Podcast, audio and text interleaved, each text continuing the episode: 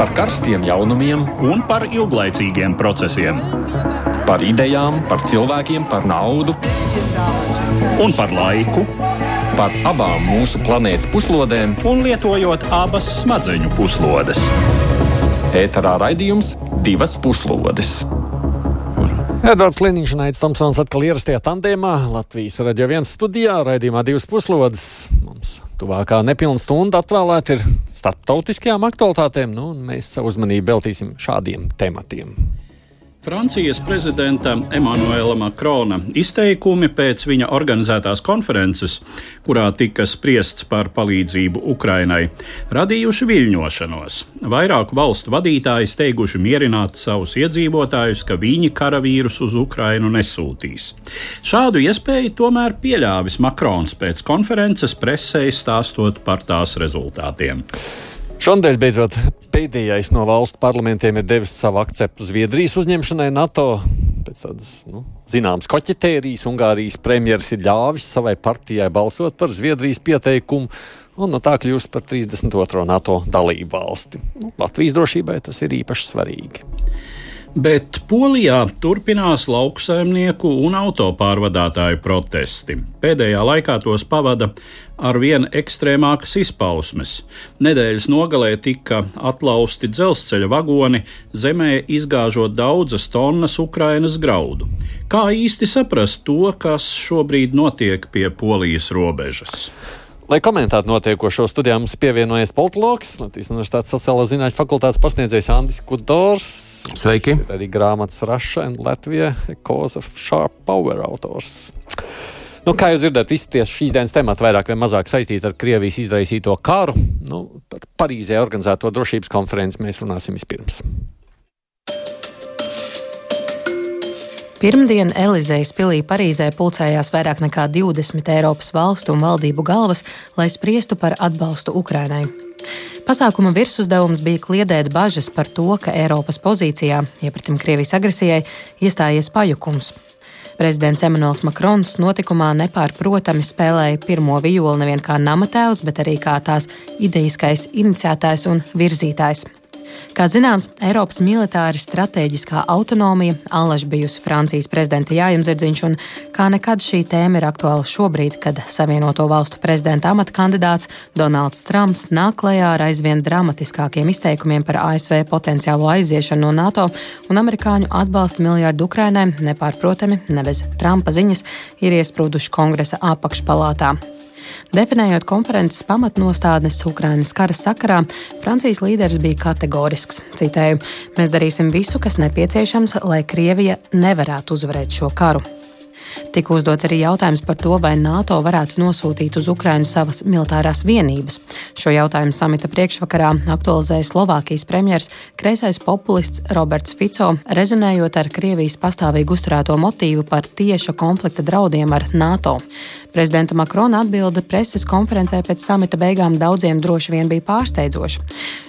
Citai šobrīd nav konsensa par oficiāli apstiprinātu sauszemes karaspēku nosūtīšanu, taču runājot iespējamības kategorijās, nekas nav izslēdzams. Vēl viena nozīmīga tēze, kas izskanēja no prezidenta mutes, bija, cik es varēju vērot, vairāk vai mazāk visas valstis, kas ir pārstāvētas pie šī galda, ir deklarējušas vienotu izpratni par to, ka mums pēc dažiem gadiem jābūt gataviem Krievijas uzbrukumam šīm valstīm. Krievijas potenciāli visvairāk apdraudēto valstu, pirmkārt Moldovas aizsardzība, bija viens no samita dienas kārtības jautājumiem. Kā pārējie tiek minēti kiberdrošība, iespējama ieroču un munīcijas ražotņu izvēršana Ukrainas teritorijā, atbalsts Ukrainai atmīnēšanas operācijas un Baltkrievijas robežas kontrolē. Protams, tika spriests par ātrāku artērijas šāviņu piegādi, jo tieši šīs munīcijas deficīts tiek minēts kā iemesls nesenajai Ukrāņu spēku atvilkšanai no Avdijivkas pilsētas un nu jau arī Lastočkinas ciema no rietumiem no pilsētas. Agrāk izskanējusī sabiedroto apņemšanās līdz šī gada martam piegādāt Ukrainai miljonu šāviņu ir izpildīta knapi par trešdaļu. Kā izskanēja samitā, prezidents Makrons vairs neuzstāja, ka kara materiāli būtu iepērkami tikai Eiropā un ir gatavs atbalstīt Čehijas premjerministra Petra Fialas iniciatīvu par miljonu šāviņu iepirkumu ārpus Eiropas. Pati Francija uzņēmusies vadīt vidējas un tāls darbības rādījusi raķešu piegādes procesu, kam gatavs pievienoties 15 valstis. Kas jūs rezumējat par šo konferenci, Andi?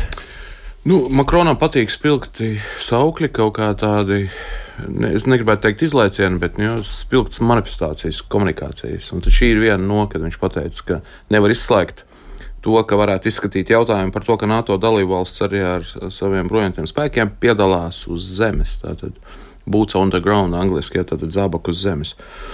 Un tad uzreiz Šolts bija tas, kurš spilgti sāk skaidrot, ka nebūs ne NATO karavīru. Ne, tur viņš tā kā vairākas lietas tā strikt nosauc, jo izskan tie komentāri, ka tā kritika principā bija no Makrona Šolca virzienā, ka tie tur pamaz dara. Bet nu, nevarētu teikt arī, ka Francija būtu čempioni tajā palīdzēšanā. E, kopumā, lai ko būtu domājis Makrons, man patīk ideja pateikt kaut ko spilgtu un pa, pabiedēt Kremli E, šī un viņa ideja par to strateģisko neskaidrību ir veselīga. Tātad, jo Eiropa ir paredzama, Baidens paredzams, Putinam ērti, viegli, e, ir nepieciešams tādā strateģiskā komunikācijā būt proaktīviem un tad darīt tā, lai Krievija reaģē, nevis otrādi. Tātad, viņš, viņš to sacīja ar mērķi, lai dzird Putins. Visnotaļ, lai dzird Putins arī, bet e, es domāju, arī viņš Viņam vajadzēja kaut kā starmešu gaismu sev pievērst. Tur daļa ir vienkārši nu, negluži izrādīšanās. Es negribu viņu kritizēt šajā, jo man kopumā patīk, ka viņš tā nokomunicēja. Bet arī Eiropas. Viņš grib būt Eiropas viens no līderiem. Viņš grib būt tas, kuram zvana no ārpus Eiropas. Ja, viņš tad ir tas. Un viņš šajā ziņā apsteidz Šolcu. Piemēram. Bet tur visi pēc tam metās sacīt, nē, nē, nē. Tur... Nekas. Kopumā ir vienalga ir labs efekts, tāpēc, ka Peskovam nācās komentēt, un lūk, reku kārtējā sarkanā līnija, bet ir jāsmējas pa viņu sarkanām līnijām, piedodiet. Tāpēc, ka viņi tās sarkanās līnijas ir vilkuši, vilkuši, vilkuši. Visas ir pārkāpuši Ukraiņi, rietumi ir pārkāpuši visas līnijas, un nekas no Krievijas īpašs nav noticis. Nu, var jau kāds varbūt savos izteikumos atbalstīt Makronu, bet neviens nav atbalstījis. Tas gan jā, tas tādā ziņā tā būtu vājā sadaļa šim, šim vēstījumam. Jā. Nu, Makrons gan arī, protams, izteicās, kā mēs te citātā dzirdējām, nu, tā tad nav izslēdzams. Un tas ir jautājums par eh, arī šī konkrēto jautājumu programmu, par kuru tika spriests. Nu, ko nozīmē atbalsts eh, Ukrainas Baltkrievijas robežas sargāšanai? Jā, nemilitārs. Bet um, arī, ja tās ir kaut kādas policijas vai novērošanas vienības uz šīs robežas, nu, tās tomēr ir rietumu spēka struktūra vienības, un ja ir vajadzīgs, kā saka, kāzus belli, ja ir vajadzīgs Krievijai arguments, lai es nezinu, jā, darītu kaut ko. No atmīnēšanas procedūras arī tāpat. Tāpat atmīnēšanas procedūras, nu, un arī ar tām raķetēm. Tas, ko es lasīju, nu, šobrīd uh, Vācijas arguments, kāpēc tā nevēlas piegādāt uh, Eh, Taurus raķetes Ukrainai, ku, uz kurām Ukraina ļoti cer, jo tas varētu būt efektīvākais līdzeklis, ar kuru varētu ātri sagraut slaveno Kerčas tiltu.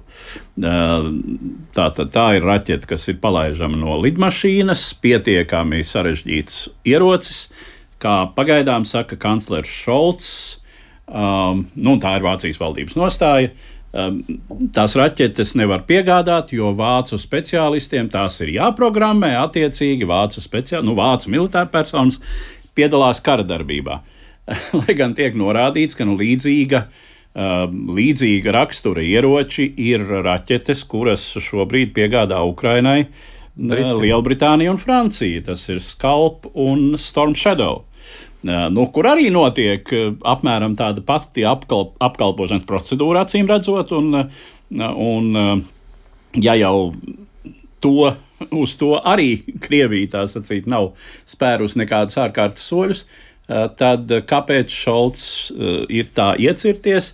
Nu, jā, tas, tas ir jautājums. Tur, Bet tā koalīcija, kas nu, paziņot Francijas vadībā par tālās, tuvās, ne vidējās tālās darbības rādījus raķetēm, tad tā kaut ko nozīmē vai nenozīmē? Nu, nozīmē, nu, ja izveido koalīciju, viņiem nāksies tad atbildēt, kāpēc viņi izveido koalīciju. Jautājums, kuras tur būs raķetes, ja, kuras viņi piegādās. Šolts jau minēja ne, ne tikai šo iemeslu, bet arī Viņš teica, ka viņš ir pārsteigts, kā citi kaut kā tur viegprātīgi nedomā līdzi, ka ar taurus raķešu piegādāšanu var sanākt, ka Vācija arī ir iesaistīta tiešā kara darbībā.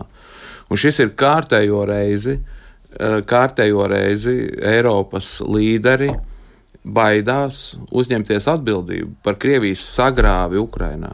Viņi baidās, viņi nevēlas, viņi nogaida, viņi grib, ka atrisinās kaut kā, kaut kā uzsūksies, palīdzēsim Ukrainai kaut kā noturēties. Bet šī, arī tas formulējums, kas nu pat bija Makronam, ka nedrīkst pieļaut, ka Krievija uzvar Ukrainā. Nu, jā, tas, tas ir, kā, no kuras puses skatās, tur kāds vārds jā. lieto, var teikt arī, vajag palīdzēt Ukrainai uzvarēt karā pret Krieviju. Ja, šis, tas ir drusciņš savādāks, kā nu, viņi to tagad neteica. Nezinu, ir, ir nogaidīšana, ir, ir kaut kāds biklums, ir, manuprāt, Krievijas nepazīšana. Un kārtējais uztraukums ir, ka miers jāpanāk par katru cenu, bet šī cenu tad maksā Ukraiņi. Un tā doma ir tāda, viņi, es domāju, kur ir neizpratne Diemžēl daļā rietumu līderu ir, ka Putinu jau neprovocē spēks un kaut kāda proaktīva rīcība, viņu provocē vājums. Ukrainu viņu izprovocēja. Nu, tā, protams, nebija provokācija. Es runāju tagad tādā, nu, no viņa perspektīvas, no, nu jā. ar savu vājumu. Tāpēc 14. gadā paņēma. Otrādi, kas notika, kad Turki not, notriec Krievijas militāro lidmašīnu? Jā? Nekas nenotika. Nu, turismu ierobežoja, nu, tomāts nepār, nepirka. Bet, principā, kāzus bēlī, ko tu minēji, ja tie, kas grib karot, viņi izdomās pat, jā, kā PSRS Somijai, kad uzbruka, jā, viņi tur sapantazē, nezinu. Bet tad ko. ir kāds sausais ieguvums ir no šīs konferences, nu, kurā tur tika runāts nu, par kaut kādu munīcijas iepirkšanu no citām valstīm. Varbūt tas Jā, ir nu, ieguvums. Nu, tāda tāda dro...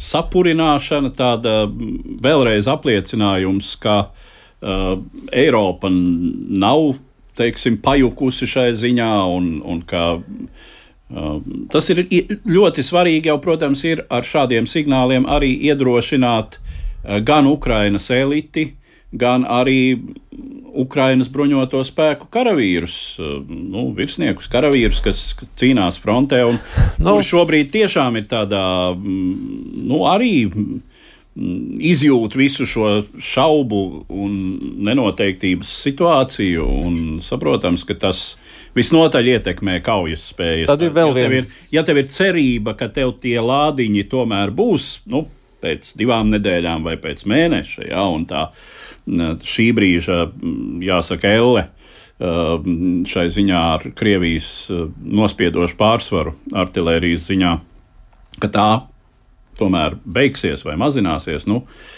nu tad karot ir krietni ir cerība, protams, otra lieta, lai tas tiešām realizētos. Tā vēl viena aspekts, kas tur parādījās, tā ir tas nodrošinājums tām citām nu, vājajām valstīm, par kurām arī jāparūpējas. Moldova tika pieminēta pirmā, nu šīs dienas ziņa, kas ir burtiski pirms raidījuma tagad parādījusies, un par to jau bija ziņa pirms kaut kādas nedēļas, ka gaidāms 28. un 29. februārī, tātad Piedņestri nobalsojuši šobrīd ar aicinājumu Krievijai aicinājumai Krievijai pieprasa, tātad Piedņestras separātisti pieprasa Krievijas aizsardzību. Tad aicina Krieviju nākt tālāk, nu, kas nozīmē, nu, ka te nu, nu un, un jā, rietumi spēs palīdzēt Moldovai šobrīd? Labs jautājums. Šis ir, jā, redz, viņi jau 2006. gadā, ja nemaldos, jā, tur arī taisīja referendumu Piedņe, Piedņestra, ka viņi vēlas pievienoties Krievijai, un Krievija viņus nepievieno, nepievieno. Un Rogozins, kurš bija kaut kādu laiku pārstāvis, Krievijas atbildīgais vicepremjeras par Moldovas virzienu, ja, Krievijas ārpolitikā. Viņš viņus tur biedēja visādi, bet visos tajos konceptuālos dokumentos Krievijas, kā tikko Moldova pieminēta, un to viņi arī runās, dažkārt politiķi piemini, lieto divus vārdus. Viens ir mm, tā teritoriālā integritāte un, un suverenitāte, jeb neatkarība, kaut kas tam līdzīgs. Kāpēc? Tāpēc, ka Krievija nevēlas, ka Moldova pievienosies Rumānijai. Vēl viņi nevēlas, ka Moldova atteiksies no, no Piedņestras. Principiāli vispār nē. Pateikt, uztaisīt robežu tur, un tāpēc viņi runā par to teritoriālo vienotību. Paši sašķēluši, ja, un tagad paši saka, ka tikai nepasakiet vispār uz, uz neredzēšanos pārņesrē. Šis ir, jā, tagad šī ir kārtējā Krievijas proaktīvais solis kārtējais. Lūk, rietumis laika atkal, mēs atkal domājam, kas tagad būs, ko darīs. Nav proaktīvu soļu no no Eiropas puses un no ASV. ASV nu ir skaidrs, kāpēc Trumps visu bremzē e, un daļa republikāņu. Bet kārtējais Krievijas gājiens, un mēs tagad minam, ko viņi tur darīs. Jā. Tas, ka viņi, ja viņiem izdotos um, pārņemt lielāko daļu Ukraiņas teritorijas, es domāju, ka tad tas noteikti pieņems jautājums būtu aktuāls atkal. Viņi, viņi iespējams pievienot savai impērijai. Bet nu, šis ir tāds viens mēģinājums vēl nu, to ūdeni duļķot tālāk. Jā, jā visdrīzāk tas, nu, no skatoties no tāda militāra strateģiskā viedokļa, tā ir Krievijai šobrīd neīstenojama misija pārsviest tur kaut kādus bruņotos spēkus. Nav viņiem tādu līdzekļu, mm -hmm. kas ir noticis līdzinējos mēnešos ar Melnās jūras floti un Krievijas gaisa spēkiem, ja tie par daudz tuvu pielien Ukrainas teritorijai. Nu, to mēs arī redzam. Tā kā nopietni kaut kādu militāru akciju veikt, lai tā sacītu aizsargātu Piedņestru, nav reāli. Nu, deklarācijas. Uh, Jā, lūdzu, nu, deklarējiet, ka tā ir Krievijas sastāvdaļa. Un, uh, Tas ir arī sarunām. Zin, kā, ja Krievija parasti ir darījusi tā, ka vienas iepriekšējās nepatikšanas viņi mēģina slāpēt ar nākamajām nepatikšanām. Ja, tad, ir, tad viņi piedāvā redzēt, mēs šīs pirmās nepatikšanas tūlīt mazināsim, un, un tās nākamās mēs neturpināsim, ja jūs to un to. Ja tas ir arī sarunās, tā, tāda likuma paaugstināšana. Jā, jo, jo priekš kaut kā, teiksim, tās provokācijas mm, ir iespējams no Krievijas. Kaut kādas viņi arī NATO var testēt. Jā. Es neticu tagad lielam karam, Krievijai nav jaudas karot ar NATO, bet viņiem ir iespējas īstenot kaut kādas provokācijas, jā. gan, gan konvencionālu raksturu, gan hibrīdu kara raksturu, lai paskatītos, ok, piektais pāns, kā strādā, kādi virsraksti parādās Rietumē Eiropas mēdīju tajos, virs, kāda parādās virsrakstā par to, ko tagad mēs darīsim. Jā. Tāda, tas krievu teiciens razvietko bojam, jā, tas ir tāds izlūkošana ar, ar cīņu, jā, ar kariņu. Ar kauju. Ar kauju, jā, paldies. Tā, tas ir, viss ir iespējams. Nu, kas nozīmē, ka, ja mēs atgriežamies pie visas šīs konferences, kas bija Parīzē, nu, tad tāda liela ieguvuma pagaidām taustāma nav. Nu, vairāk runāšanu. Nu, tas iepirks iespējams no Indijas un vēl kaut kur. Jā, varbūt būtu kaut kāds viens no sausiem atlikumiem. Nu, ka būs tā raķešu koalīcija, nu arī vēl. Jā. Tas, ka ir kopējie lielie plāni palīdzēt Ukrainai, jā, bet nav, nav šīs proaktivitātes. Jā. Nu, ir izskanējis tas, ka neatceros, vai Makrons vai kāds cits izteicās, ka nu, mums vajag vēl gadu, mums vajag vēl gadu, lai mēs paši ražotu Eiropā tik daudz, ka ārpus Eiropas vairs nav jāiepērk. Eh, jo mm, vēl pirms salīdzinoši neilga laika paša Makrona pozīcija bija tāda, ka eh, mums vajag e, attīstīt Eiropas militāru rūpniecisko kompleksu, kas, protams, ar abām rokām par. Ko tur var iebilst? Eh, bet tāpēc pirksim par Eiropas naudu tikai Eiropas ieročus, bet nu, tā tad šī pozīcija ir mainījusies. Un kamēr nav Eiropā, un Eiropā nav, jo tās mm, jaudas mm, šāviņu ražošanai izrādās ir vienkārši nolaistas, kā saka, zem grīdlīstes tad, nu, tad var pirkt kaut kur citur. Jautājums, kur? Jā, nu, Indijai, acīm redzot, ir droši vien Dienvidkorejai ir diezgan ievērojama. Ja Krievi var no Ziemeļkorejas dabūt Tāpat no Irānas. jau ir no Krievijas pirkus par augstākā laikā. Viņi bija PSRS liela sabiedrotie Pakistāna, kā zināms, ar ASV. Te jau ir vēl viens faktors. Ir runa par to, ka joprojām kaut kas tiek tirgots no bruņojuma, no Eiropas bruņojuma citur. Un arī tas tiek uh, Ukraiņas ārlietu ministrs Kulēba teica, Ukraina, viņš tā ultimatīvi teica, Krievi, Eiropai jāpārtrauc tirgot bruņojums ārpus Eiropas un jāpiegādā tas Ukrainai. Nu, tur ir sava loģika. Ja? Nav, tad, tad, kad tiek runāts par strateģisko neatkarību Eiropas, ja, tad nu, jāsmaida par to.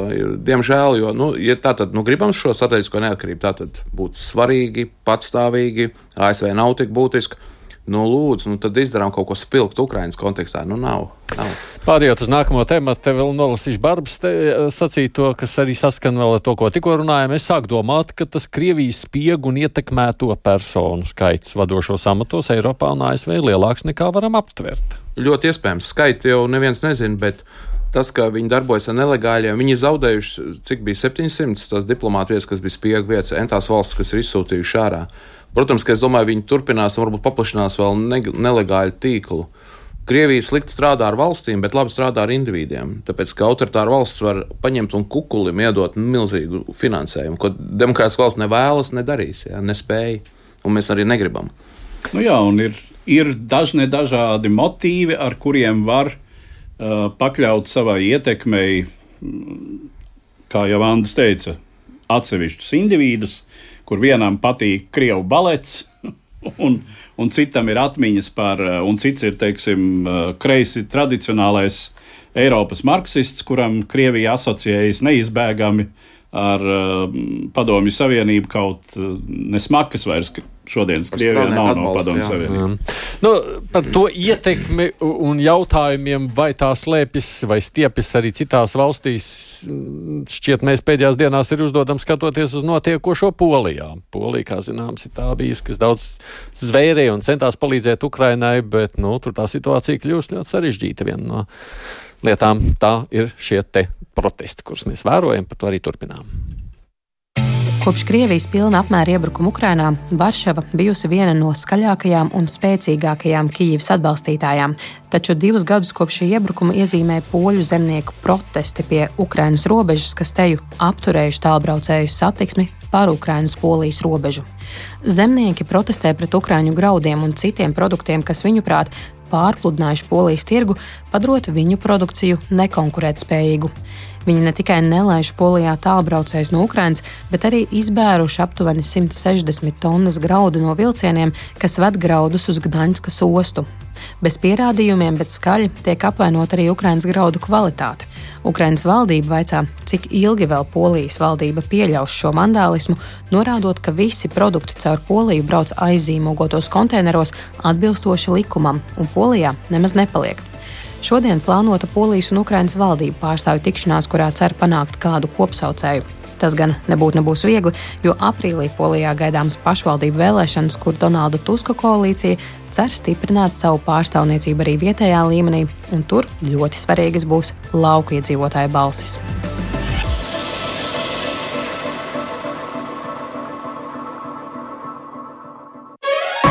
Divas puslodes! Kā jūs komentējat to, kas notiek tagad Polijā pie robežas? Nu, šādi motīvi, ka Ukrāņiem ir par daudz pretimnākšanas un ka viņi to ļaunprātīgi izmanto, uh, tie ir sastopami droši vien visās valstīs, uh, kurās, uh, kuras tā vai citādi šī kara kontekstā vai nu gan sniedz patvērumu bēgļiem, gan, nu, teiksim, Polija, protams, ir nozīmīgākā tranzīta teritorija tiešām Ukrainas precēm, um, lauksaimniecības produkcijai un, um, attiecīgi, protams, arī ieroču piegādēm. Um, un jau pirms iepriekšējām parlamenta vēlēšanām, kur, kā, jū, kā mēs atceramies, tātad pašreiz pie varas esošā koalīcija un iepriekšējais pie varas esošais spēks um, cīnījās, kā saka, procentu desmitdaļām, un tas bija ļoti tuvu tai 50-50 robežai. Uh, ar ko droši vien es arī izskaidrotu to, ka pašreizējā polijas valdība ir tik piesardzīga un negrib kaitināt zemniekus.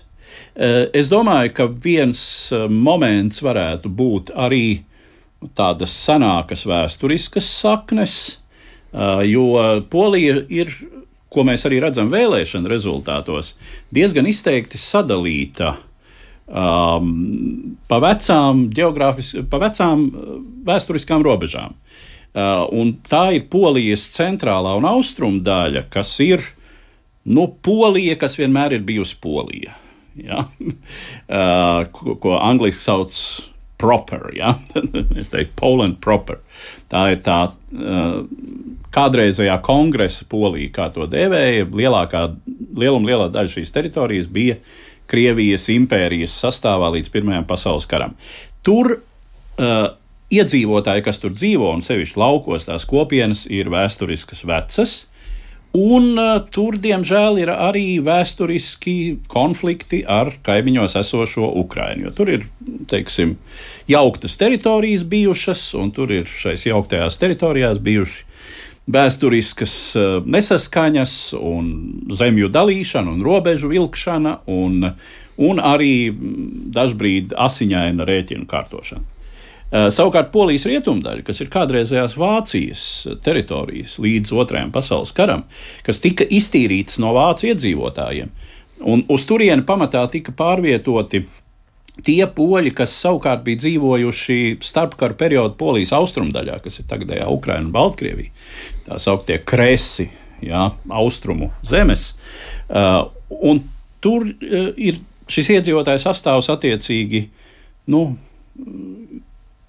ar plānāku to, teiksim, to, to, to teritoriāli, lokāli vēsturisko atmiņu. Tā kā es pieļauju, ka tur var būt arī tajā polijas austrumu daļā nu, šiem, šiem vietējiem iedzīvotājiem tādi vēsturiski iesakņoti, vēsturiski iesakņota izjūta, kas arī viņus zināmā mērā mudina uz šo negatīvo attieksmi pret, Ukraina, pret Ukraiņiem. Ande. Nu, jā, Es domāju, noteikti tur viss tas konteksts, ko tu runā, un arī, pie, arī vērts, protams, pamatoti bija piesaukts arī, ir pašvaldību vēlēšana konteksts un tam līdzīgi. Ja, tad Tusks, viņš nedaudz mainās. Tagad Tusks ir atšķirīgs no tā Tuska, kas bija pirms vēlēšanām, un tagad ir kaut kāds jaunās reālijas, un nu, tā ir parlamentārā demokrātijā tā, tā tas notiek. Ja tiek nu, pieskaņoti nākamie vēstījumi un kaut kādas rīcība politikas tam, kas tagad ir skaidrs. Es no vienas puses saprotu tos poļu jā, zemniekus, ja, un poļu zemnieks kā tāds, polijā kā tādā ir svarīgs, ja, gan kā tāds simbolu nozīmē, gan, gan arī kā vēlētājs. Vienlaikus man ir sāpīgi, ja, jo sāpīgi tajā kontekstā, nu, ka Ukraiņas kara konteksts ir tāds, ka tad, nu, tiek, notiek kaut kāda šķelšanās. Jā, šie vēstījumi arī spilgti ir Amerikas Savienotās valstīs, kur daļa konservatīvo tad, nu, runā, piedodiet, nu, tādas vaiprāt lietas, jā, un sāk Putinu atbalstīt pat daļa. Vienkārši ir nu, tik nepatīkami to uh, redzēt. Un es domāju, kopumā te neiztiek jā, bez, bez Krievijas troļļiem uh, sociālos tīklos. Un Centrāla Eiropa, tas ir tur eh, Čehija, Slovākija, Polija. Tā ir vieta, kur jau, jau ilgāku laiku Krievijas um, dezinformātori aktīvi darbojas interneta vidē. Jā, tur tie paši poļi, ik pa laikam mēs esam redzējuši kaut kādus arī personāžus, kas ir izteikti prokremliski bijuši. Bet sociāla tīkla jau strādā niansētāk, no tie propagandisti un dezinformatori sociālajos tīklos strādā niansētāk. Viņi tad runā druskuļi par kaut kādām interesēm. Viņi nerunā tagad par pro-Putinu, bet teiksim, tur anti-Ukrānienu ja, un tam līdzīgi. Es nebrīnos, ka šeit ir arī eh, gan tās pašas troļu fermas kaut ko dara, un ka ir viens otrs arī uzpirkts. Jā, bet tā polijas kopējā sabiedrības noskaņa, nu, mēs redzam, tur nav tādas iebildes. Nevis mums nerādās nekas publiskajā telpā, ka viņi tur nu, neatbalstītu lauksaimnieks vai iestātos pret vai mēģinātu aizstāvēt Ukrāņus. Izskatās, ka polijas sabiedrība ir nu, tāda vienaldzīgi noskatās uz to pārējā. Nu, grūti, grūti komentēt. Ne, nu, es, es atzīšos, es neesmu, neesmu polijas presē teiksim, mēģinājis lasīt par to, kād, kādas tur ir varbūt kāda tur ir izteikuma atsauksmes un tam līdzīgi uz to. Nu, varbūt vienīgi tajā brīdī, kad tur bija tas Putina atbalsta plakāts, nu tad nu, jā, parādījās. Nu, to tā kā, to tā kā diezgan ātri, ātri, kā saka, nolika pie vietas to entuziasti. Te ir vēl viena dimensija, šis kopējais vilnis tagad, ne tikai Polijā, ja ir lauksaimnieki protestē arī tur. Kā, nu, Es nezinu, vienkārši man trūkst informācijas. Ja, ja beigās uzzinātu, ka, ka tā ir kaut kāda arī uh, Krievijas spiega akcija un dezinformātora akcija, kur viņi arī noteikts individus ir ietekmējuši, es vienkārši nebrīnītos, jo kaut kā viss tas laiks sakrīt vēstījumi. Jā, tas nu, ir apmēram kas iet pāri pie pa visu pasauli. Pie kam te parādās kaut kādi motīvi. Uh, šķiet, ka nu, tik tālu nenonāca, bet, bet nu, bija arī apņēmība, ka bloķēt arī Polijas-Lietuvas robežu. Jā, jā nu šodien akcija, man liekas, ir pie Lietuvas robežas. Viņi bija vakar uz Vāciju, aizdevušies pie Vācijas robežas, aizvakar jā, jā. tā akcija. Jā, tad, tagad, tad, jā, kad, tad, kad jautā, nu kāpēc tad to, tad, tad parādās kaut kādi teksti par to, ka no Ukrainas eh, labība tiek uh, vesta uz Lietuvu, tur noformēta ar viltotiem dokumentiem, un tad vesta uz mūsu nabaga poliju, un tur mums tā sacīt iesmērēta nu, kas izklausās uh, stipri, stipri sadomāts un, un no gaisa grābts. Es negribētu ticēt, ka šādas schēmas pastāv. Nu, redz, tur, tur, tur ir tā lieta, ka šis uh, sakrīt ar to, kas ir kopumā novērots ja, Putina laika ārpolitikā Krievijas. Proti, ka viņi ir šķelšanas ārpolitika, ja, gan tādā atklātā veidā, gan slēptajā veidā. Un tie trīs lielās šķelšanas līnijas ir viena ir transatlantiskā saites vaināšana, tātad Kanāda, ASV, lai nebūtu vienota ar Eiropu. Otra līnija ir Eiropas iekšēnē valsts sašķelta. Un šis būtu klasisks. Tas ir precīzi tas, kas ir vajadzīgs Kremlim. Jā. Jo kā tikko Eiropa ir vienota, plus, ja Eiropa vēl ir vienota ar, ar Ziemeļameriku, komunikācijā ar Krieviju, viss, nu, tur Krievija ļoti vainās. Viņiem strateģiskais virziens, kur saukt palīgā tikai Ķīna, praktiski, ja paliek Irānai, tur nav jaudas tādas. Un tad tas trešais uh, šķelšanās līnija ir katras valsts iekšēnē. Atkal šķelt pa visām viņi, viņi pie, pielēļu jebkurai leģitīmai iekšējai diskusijai, ja, kur mums spriedze būs Viņi nāk un lai viņi paspilgtina, un tas sociālās tīklos notiek šī spilgtināšana abās pusēs. Tādā ziņā nu, tas, tas trāpa, nu, tas lej Kremļa dzirnavām ūdenskaidrs. Un, un ļautiņi, kuri ir gatavi uz to, kā saka, pavilkties, nu, nu mēs jau to redzam arī mūsu vidē, jo arī runājot, piemēram, par uh, mūsu mazo skolu problēmām un šo um, slēgšanas procesu, uh, tad arī parādās, ah, vai ne, naudiņa visa Ukrainai jāizflekarē. Uh, paši nevaram. Protams, kaut kas tāds parādās, bet es varu iedomāties, ja pie mums man tā liekas, ja kāds Latvijā mēģinātu, pieņemsim, tur gāzt Ukrainas graudus, pieņemsim ārā uz ielām uh, vai, vai taisīt diversijas, nu, es pieļauju, ka Latvijas sabiedrība kaut kā vairāk reaģētu. Man mazliet tā polijas nu, vienaldzība es... jau mēnešu garumā. Nu, tur Ukraiņi tā ir savilkuši savu sabombardēto tehniku pie robežas. Saka, nu, redz, kā mums sanāk, ja nu, jā, kā ievākt tos graudus. Un ko jums nozīmē? Jūs tur nu, cenas samazinājās vai pa kaut kādiem centiem vai ne? Nu, proti, uh, mēģina tā kā apelēt, bet, Jā, bet, bet poļi es pieļauju, es, es pieļauju ka, nu, ka tur ir šī iekšējā polijas politiskā pretstāve, uh, kas tagad izpaužas līdz šim. Uh, Ukrainas jautājumā, nu tas bija kā jautājums, kurā gan līdzšinējā pozīcija, tagad opozīcija un otrādi bija daudz maz vienotas. Jo nu, arī partija likums un taisnīgums no jā, atbalstīja Ukrainu diezgan konsekventi, nu, un šobrīd arī uh, Parīzes konferencē jau Polija joprojām pārstāvēja Andrzejs Duda, uh, kas ir likuma un taisnīguma prezidents, un ka, kur iekšēji kā zināms, ir, ir eh, joprojām Tuska valdībai liels problēmas sacīt, izdarīt visu, ko Eiropa sagaida, jo Duda to, Duda to bloķē ar savām prezidenta pilnvarām. Bet es pieļauju, ka tur spēlē šis, šīs sabiedrības sašķeltība 50 uz 50, kā tiešām tā polijas iedzīvotāju daļa, sevišķi lauku iedzīvotāju daļa, kas ir šais polijas mm, centrālajos un austrumu rajonos, viņi jūtas zaudējuši vēlēšanās. Tas uzkurina viņos šo um, nu, teiksim, pāridarījuma izjūtu. Uh, un uh, nu, tādā noskaņojumā cilvēki mēdz darīt mēdz domāt nekritiski, mēdz darīt aplamas lietas. Tas jau ir simtiem un tūkstošiem reižu vēsturē apstiprinājies. Un šeit, jā, nu, tā, tā ir tāda politiskas rīcības inerce. Un es varu tikai vēlreiz piesaukt to, ka mēs īsti vēl neesam, es domāju, politikas vērtētāji, mēs neesam vēl īsti sapratuši, kā psiholoģiski un, teiksim, sociāli, psiholoģiski darbojas sociālie tīkli, kāds ir tas kopējais efekts, kuru šis absolūti jaunais medijs un, un jaunā realitāte veido šobrīd globāli visai cilvēcei. Jā, nu, par tiem ukraiņiem tāpēc tā vilšanās šķita, ja nu, viņi bija tie, kas nu, visvairāk palīdzības sniedz pirmajā gadā pēc kara, vai ne? Un likās, nu, tur taču arī Ukraiņi teica, ka viņi būs mūžīgi pateicīgi poļiem, un poļi tur izrādīja tādu, un tas liekas tā, oh, nu kā tā?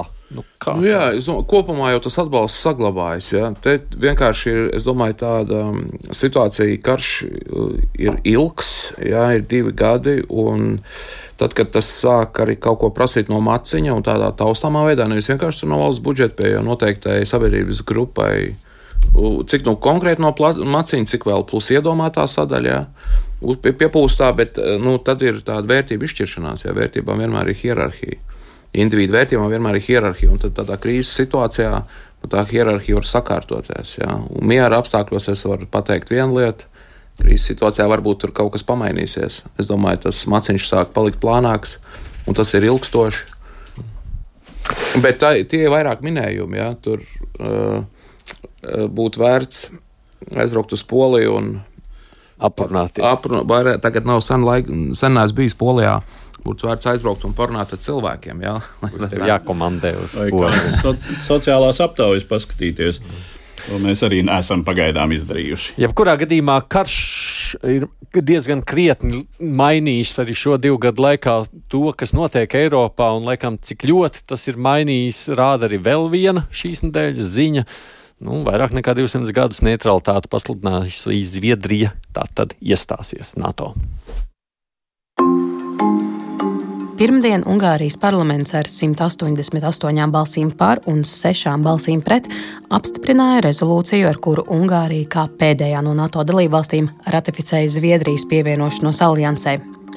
Pēc tam, kad savu veto bija atsaukusi Turcija, Budapestas vilcināšanās šai sakarā izskatījās pēc ietiepīgas tielēšanās ar neskaidriem motīviem, viens no kuriem varētu būt premjerministra Orbāna īpašās attiecības ar Kremļa saimnieku Putinu. Pēdējais Ungārijas izvirzītais nosacījums bija Zviedrijas premjerministra personiska vizīte Budapeštā, ko daudzi precīzi raksturoja kā velti Viktora Orbāna personiskajam ego. Sākotnēji Stokholma likās visai noraidoša, taču tad premjerministrs Ulfs Kristersons lika kaunu pie malas un piekdien ieradās Ungārijas galvaspilsētā, kur parakstīja divu valstu aizsardzības līgumu un vienošanos par Zviedrijā ražoto gripeni iznīcinātāju piegādi Ungārijai. Līdz ar pirmdienas balsojumu nepārprotami ir noslēdzies apmēram 200 gadus ilgušais militārās neutralitātes periods Zviedrijas vēsturē. Savukārt Baltijas jūra ir kļuvusi par NATO ezeru, respektīvi NATO valstu teritorijas ieskautiem ūdeņiem, ja neskaita Krievijas Ļeņingradas un Kaļiņingradas apgabalus. Ziemeļatlantijas alianses stratēģiskās pozīcijas Eiropas ziemeļos līdz ar to kļuvušas daudz kompaktākas un loģiskākas, uzlabojot nevien Baltijas valstu, bet arī Arktikas teritoriju aizsardzības situāciju. Un tas nepavisam nav mazsvarīgi, kaut vai ievērojot pēdējos mēnešos pieaugušo spriedzi starp Krieviju un Norvēģiju Svalbārdas arhipelāga sakarā. Baltijas valstīm šīs pārmaiņas ir visnozīmīgākās, krietni mazinot Krievijas potenciālās iespējas izolēt tās no pārējiem alianses partneriem. Somijai un Zviedrijai ir jau desmit gadiem ilga sadarbības pieredze ar NATO, to ieroču sistēmas atbilst alianses standartiem, to spēki ir piedalījušies kopīgās mācībās, attiecīgi tieši politiskā dimensija līdz šim bija tā, kas iztrūka, lai Krievijas potenciālajai agresijai Baltijas jūras reģionā pretnostatītu kompaktu militāri strateģisko struktūru. Ļoti būtisks aspekts ir arī tas, ka abu Ziemeļvalstu militārās doktrīnas, ar strateģisko plānošanu sākot, ar konkrētiem ieroču modeļiem beidzot, te jau vienmēr bijusi orientēta pamatā uz iespējamu apdraudējumu no austrumiem. Atgādījums studijā ar mums notikums komentēja arī politologs Andris Kudors. Zviedri nu, tomēr diezgan cītīgi strādāja arī visus tos divus gadus, lai būtu iekšā NATO.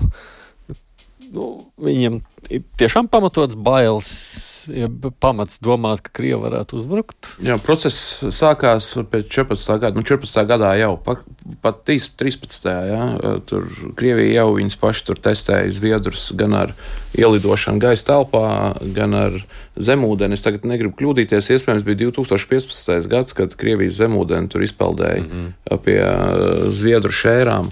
Un it kā viņi tur bija avarējusi, it kā nebija avarējusi.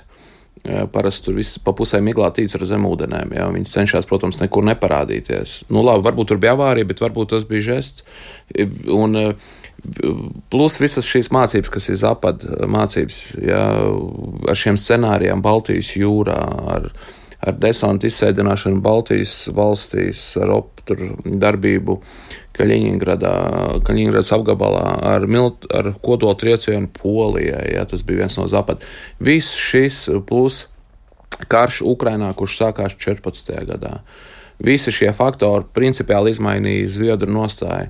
Es biju šķiet, neatceros, 2011. gads, katrā ziņā pirms 14. gada vienā drošības seminārā uh, Stokholmā, un tur vispār tuvu nebija šī jautājuma. Nu, tuvu nebija. Mēs jau viņus tur tā mm, bikstījām ar jautājumiem, nu, kad Zviedri, kad jūs stāsieties, tā jokojām, kad jūs stāsieties uh, NATO un arī Somu eksperti tur bija, un tad tiem arī mēs to prasījām.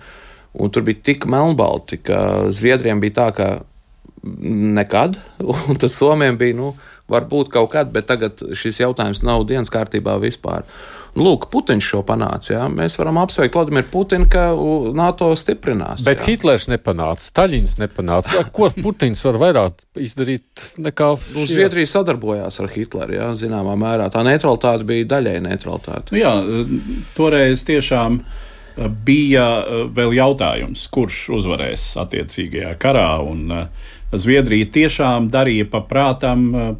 Nu, citas izējas jau tā nebija. Jā, tā negribēja piedzīvot tās pašas Dānijas un Norvēģijas likteni.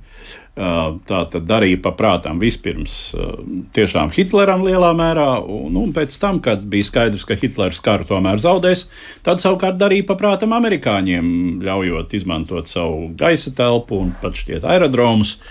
Beigās pat PSRS ar leģionāru atdošanu. atdošanu. Nu, jā, tas bija arī vēl viens motīviņš, niansīti, protams, un pēc tam bija jārēķinās ar, ar PSRS, kurā pastāvīgi atgādināja. Un tā zemūdene, kas tur nesen uzpeldēja, tā ir tikai tā sacīt, nu, kā lai saka, tāds, tā, tā, tāda. Tāds atgādinājums par vecajiem, labajiem laikiem. Bet, nu, lūk, laiku pa laikam kaut kas, kaut kas uzpeldēja. uzpeldēja. Bet, bet viss tas, kas iepriekš laiku pa laikam uzpeldēja, nu nelika Zviedriem doties NATO. Kā jā, jā. Pēkšņi šis ir būtisks redz. Te ir tomēr Zviedrija klātesoša ar ekonomisku Baltijas valstīs. Labi, te tās pašas bankas ir un no teorijas ir tā šī savstarpēja ekonomiskā saikne, viņa tad vairo kaut kādu interesētību arī drošības ziņā. Ne, ne jau, ka šis būtu izšķirošais faktors tagad, es runāju vienkārši par tendencēm. Baltija ir, ir uh, Eiropas Savienības daļa, NATO daļa. Uh, Bet es domāju, tās bažas palika pietiekami nopietnas. Ja? Un, turklāt Zviedrija aktīvi sadarbojās ar NATO vēl pirms iestāšanās. Viņi tāpat bija gandrīz NATO. Tāpēc viņiem tagad tehniski, militāri nekāda problēma nebūs pievienoties, sadarboties, ja viss jau ir, jau ir līdzīgi, tas ir būtiski, lai nebūtu nekādi bremzējošie faktori, ja, piemēram, x stundu notiek. Ja. Katrā ziņā mēs noteikti varam būt priecīgi. Es atceros, kad uzzināju vispār jau pirms kaut kāda laika, ka Somija un Zviedrija uh, izskata iespēju, ka lemj, ka, ka viņi vēlas. Es biju ļoti, ļoti iepriecināts, jo tas maina, tas maina arī pirmkārt psiholoģiski.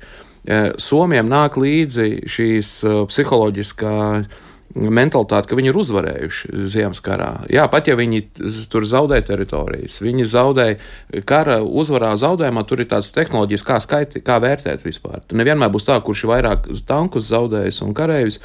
Ka tas tur būs uzvarētājs vai zaudētājs. Ir vēl dažādi faktori, viens no tiem ir psiholoģiskais. Un Somija nes līdzi uzvarētāju tādu garu, ja, ka viņi ir tie, kas spēja nostāties pret Padomu Savienību ja, Ziemas karā. Uh, šis ir iegūms. Tad, kad mēs spriežam, ah, Somijā baigta garā līnija, tā robeža gara ir ar Krieviju. Uh, viņiem grūti sargāt, bet tas ir arī otrādi. Krievijai viņi ir grūti sargāt. Ja? Tur, ir, tā, tur ir jāmaina šīs, kā mēs spriežam, arī uh, Mārtiņš Verdiņš nesen uzrakstīja Latvijas drošības blogā arī rakstu par šo tēmu, un viņš uzrakstīja, ka Kaļiņingrada ir nevis tas iegūms Krievijai, bet otrādi - ļoti apdraudēta teritorija Krievijai. Ja mums ir strateģiskās komunikācijas kontekstā ir veselīgi mums pārslēgties ja, uz uzvarētāju narratīvu. Tas, tas x stundās, starp citu, var vairot karēju cīņas spāru. Ja. Informācijas karš notiek tajā veidā, ka mazina cīņas spāru un iebiedē mēs te varam diezgan labas lietas un lielākiem burtiem un skaļākiem vārdiem par šo runāt. Pozitīvā. Jā, es domāju, ka Somijas uh, asociācijas ar šī brīža situāciju ir uh, teiksim, diezgan, uh, diezgan tādas ciešas, jo, ja mēs atceramies Ziemas karu un to, kā Eh, varanā sarkanā armija toreiz aplauzās eh, pret nu, niecīgo militārā ziņā un resursu ziņā eh, Somiju. Un, un nevarēja to, kā saka, nokamt. Nu, situācija Ukrainā ir stipri līdzīga? Tur jau arī bija um, priekšstats par to, ka Helsinki trīs dienās un tā tālāk. Kijava. un šajā gadījumā, vai, vai Kijava, jā, šajā gadījumā. Nē, jā. Es, skatījos arī Stokholmas ielu intervijas starptautiskajos medijos, redzēju, ka viedokļi pašiem zviedriem nu, ir pat arī tagad atšķirīgi. Tur, nezinu, nu, jā, nu, nu, baigā inercija. Pauģu sadūri arī varētu būt. Sociāldemokrāti tur bija tie, kas principā bija pret šo tuvināšanos NATO, tie moderāti, ja, tie bija tādi mērenie, konservatīvie bija par un arī ļoti uzmanīgi par. Mm -hmm. Un sociāldemokrāti bija izteikti pret. Ja, tur, protams, ka tur ir inerce. Ja, tur tie, nu, Gal galā viņiem jau kaut kādā nozīmē tā neutralitāte, pusneutralitāte bija atmaksājusies. Jā. Nu, par viņiem tas ceļa rūlis nepārbrauc. Jā, kā mums, piemēram, mēs arī gribējām būt neitrāli. Jā. Mums pārbrauc no vienas puses un otras puses pāri Latvijai. Viņiem no geogrāfijas dēļ arī paveicās. Nu, kolēģi Ievai Zeizai šorīt bija saruna ar medija Vekans Nīkeiter redaktoru Dāvi Kažu. Tad jautāju viņam, vai kolēģis vispār bija jebkad iedomājies, kā mēs tur runājam, vai Zviedrija varētu iestāties NATO. Viņš gan arī pats ir skeptisks pret šo lēmumu. Jā, Zviedrija kaut kādas 25, 30 gadus ir tā lēnām pakāpeniski tojusies NATO, bet nav pēdējo to soli spērus, bet domāju, ka kādreiz jau pievienosies. Ja būtu bijis Zviedrijā referendums, bijis, un man liekas, ka būtu vai, vajadzēja referendumu, nebūtu balsojis par. Daudz dažādu iemeslu, bet viens no tiem ir tas, ka man liekas, ka pašlaik NATO, ASV lieto NATO, lai pozicionēties pret Ķīnu pasaulē. Vispār tā pozicionējās ASV pret Ķīnu pasaulē. Un tad, man liekas, Zviedrijai nevajag mainīt, izvēlēties Ķīnas pusi vai ASV pusi. Tā 200 gadus nav bijis Zviedrija nekādās aliansēs, arī vajadzēja palikt neitrālai. Jūs tā kā nesatrauc, kas pēdējos divus gadus notiek Eiropā, un nu, arī tas nelika domāt, ka varbūt vajadzētu pievienoties NATO, ka tas būtu kā drošības garants arī Zviedrijai. Zviedrija Pirmā un Otrā pasaules kara laikā bija neitrāla. Tos laikos, kā jūs noteikti zināt, vācieši iebruka Dānijā un, un Norvēģijā. Un, un karš bija daudz tuvāk Zviedrijai nekā šodien. Un vispār Zviedrijai ir bijusi tāda loma pasaulē, ka viņi varējusi kā neitrāla valsts norganizēt mieru, sarunas un šitādas lietas. Tā ir loma, kur Zviedrija varētu arī turpināt spēlēt. Ja Zviedrija būtu palikusi neitrāla, šodien, protams, tas ir grūtāk. Kā jums šķiet, ja būtu bijis referendums vai vairums uh, Zviedrijas iedzīvotāju balsotu kā jūs, vai arī būtu tāds pats lēmums kā tagad? Man liekas, ka noteikti būtu tāds lēmums kā tagad. Tāpēc, ka tā bija tā situācija pirms diviem gadiem. Bet, ja būtu bijis jā vai nē, tas būtu lielāka leģitimitāte devis vispār, ja būtu iegājuši NATO vai neiegājuši. Tāpēc, ka būtu bijusi diskusija Pēdējās vēlēšanās, 18. gadā, Zviedri, pāri 60% zviedriem balsoja par partijām, kas negrib iet NATO. Un tad divas lielākās 22. gadā vienkārši tā, bez diskusijām izmainīja savu pozīciju. Būtu bijis labāk ar referendumu, visi zviedri būtu varējuši diskutēt, padomāt, kāpēc mums jāiet NATO, kāpēc nebūtu jāiet NATO. Tad būtu nobalsojuši. Vai, ja būtu jā, tad būtu vairāk legitimitāte tai lietai. Ja būtu bijis nē, tad tas pats. Problēma ir tā, ka partijas vadītāja Sociāldemokrāta partijai, Zviedrijas lielākajai partijai, viņi teica, ka, ja Zviedrija ies NATO, tas destabilizēs drošības situāciju Ziemeļa Eiropā. Tas bija 8. martā vai kaut kādā 9. martā 22. gadā. Divus mēnešus vēlāk, bez diskusijām, viņi izmainīja pozīciju un teica, ka tagad mēs iesim NATO. Nebija diskusijas Sociāldemokrāta partijā, Nebija īstenībā mēdījos diskusijas, jo viss bija tāda histērija. Kas notiek Ukrajinā? Ziņās varēja dzirdēt, kā, kas notiks, ka nāks Krievi ar atombumbām uz Zviedriju un šitādas lietas. Vienkārši bija milzīga histērija.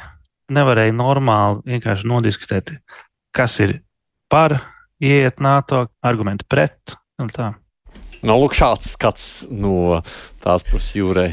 Geogrāfija vairs nespēlē tik lielu lomu kā Pirmajā pasaules karā un Otrā pasaules karā. Ja? Tagad ar, ar raķetēm, ar aviāciju, nu labi, tad arī bija, teiksim, tur FAU vācieši sāka raķetes attīstīt, aviācija bija kaut kāda, bet es domāju, nu tagad tas teritorijas ir ātrāk sasniedzams. Bet, nu, lūk, bet nu, nebija tādas situācijas, ka Krievija karot ar Ukrainu Eiropā. Nu, tā ir jauna situācija. Es varu tikai, tikai izteikt gandarījumu ja, par to, ka Zviedrija iestājās. Vēl viens faktors bija tāds, ka es atceros, tad, kad bija process vai vispār sarunas, vai vispār stāties Somijai un Zviedrijai NATO, tad viņi sprieda tā, ja stāsies viens, tad abiem jāstājas. Un vēl, ja stāsies abi, tad jāstājas reizē, lai nedot iespēju Krievijai kaut ko destabilizēt ar vienu no valstīm. Un tā bija tāda pareiza un laba racionāla rīcība. Un šī diskusija jau bija labu laiku, tas bija jau bija pēc 14. gada.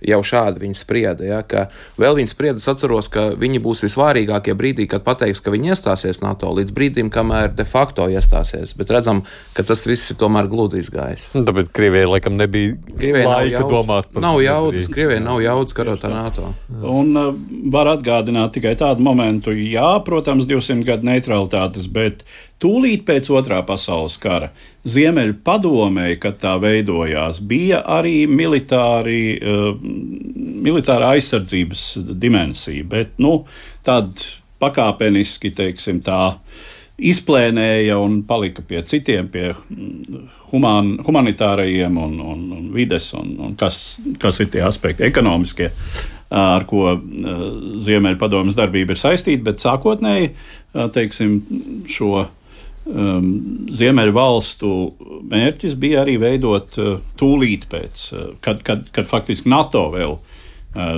īsti nebija izveidojies, vai tikai sāka veidoties, kad Eiropas Savienība tikai sāka veidoties pakāpeniski, nu, tad, tad tas uzstādījums bija tā, ka Tā kā sava, arī sava vēsturiskā loģika tam visam ir pamatā. Go, Gotlanda būs, Got, mums ir reāls viens iegūms ar strateģisks taktisks, ja, ka Gotlanda būs nevis vienkārši Zviedrijas sala, bet NATO sala. Ir... Nenogremdējamais aviācijas bāzes. Jā, 2015. gadā šķiet, ka viņi lēma arī, ka viņi jau tur at, ap, jau atjaunos militāru, tātad bruņotie spēki būs tur dislocēti. Ja. Tur bija augstākā laikā bija Laikam, kad tik nebija 50 tūkstoši tur karēju, pēc tam bija 500, un tagad laikam bija ideja, ka būs vismaz 5000. Ja? Tas jau ir būtiski. Vēl viņi, teiksim, bija ziņas, ka Zviedrija vienas vecās zemūdens vietā divas jaunas tagad būvē, ja, tā flote. Un, tas, ka man patīk arī nosaukums NATO ezers. Un ir tie, kas kritizē, nē, jūs te pārspīlējat to nozīmīgumu. Nu, nē, atkal es esmu par to, ka tajā strateģiskā komunikācijā jākomunicē spilgti, pārliecinoši. Tas ir NATO ezers ļoti labi. Eh, Krievijas floti var bloķēt starp Somiju un, un Igauniju. Un, un to, ka Ļingradu var bloķēt, šī veselīga komunikācija, vairāk pašpārliecinātības. Nu, es saprotu, mēs gaidām arī, kur katru brīdi jau tik līdz iestāsies te vēl 600 kareivis, cik apsolīja, ka Zviedrijas jā, bija. Laikam bija viena brīdi, kad 800 teica, tad 600 katrā ziņā vairāk simti droši varam teikt, jā, kas arī ir mums labi. Viena bataljona taktiskā grupa. Tā kā vēl papildus arī būs šeit Latvijā no pašiem Zviedriem.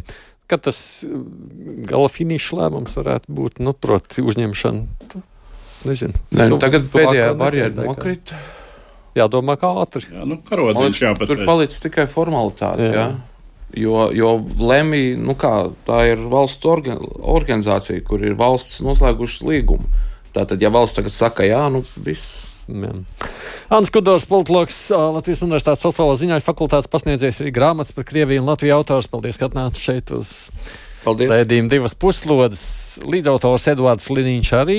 Paldies. Eduards, tu vari pastāstīt tevi kaut kas, ko pareklamēt arī no citiem jā, raidījumiem? Jā, es aicinu rīt paklausīties pēc pulksten trijiem manu autoru raidījumu, kas būs ar Krieviju, kur mans sarunbiedrs ir Krievu politologs Dmitrijs Oreškins. Un šajā gadījumā uh, aicinu klausīties rīt un arī nākamās nedēļas ceturtdienā, jo mūsu saruna bija izvērtās tik plaša un saturīga, ka es veidošu divus šo sarunu, sarunu divās sērijās, tātad šo ceturtdienu un nākamā ceturtdienu, kas būs ar Krieviju. Optimistisks skats, es ceru, no Latvijas skatu punktu. Uh, visai pesimistisks. tomēr.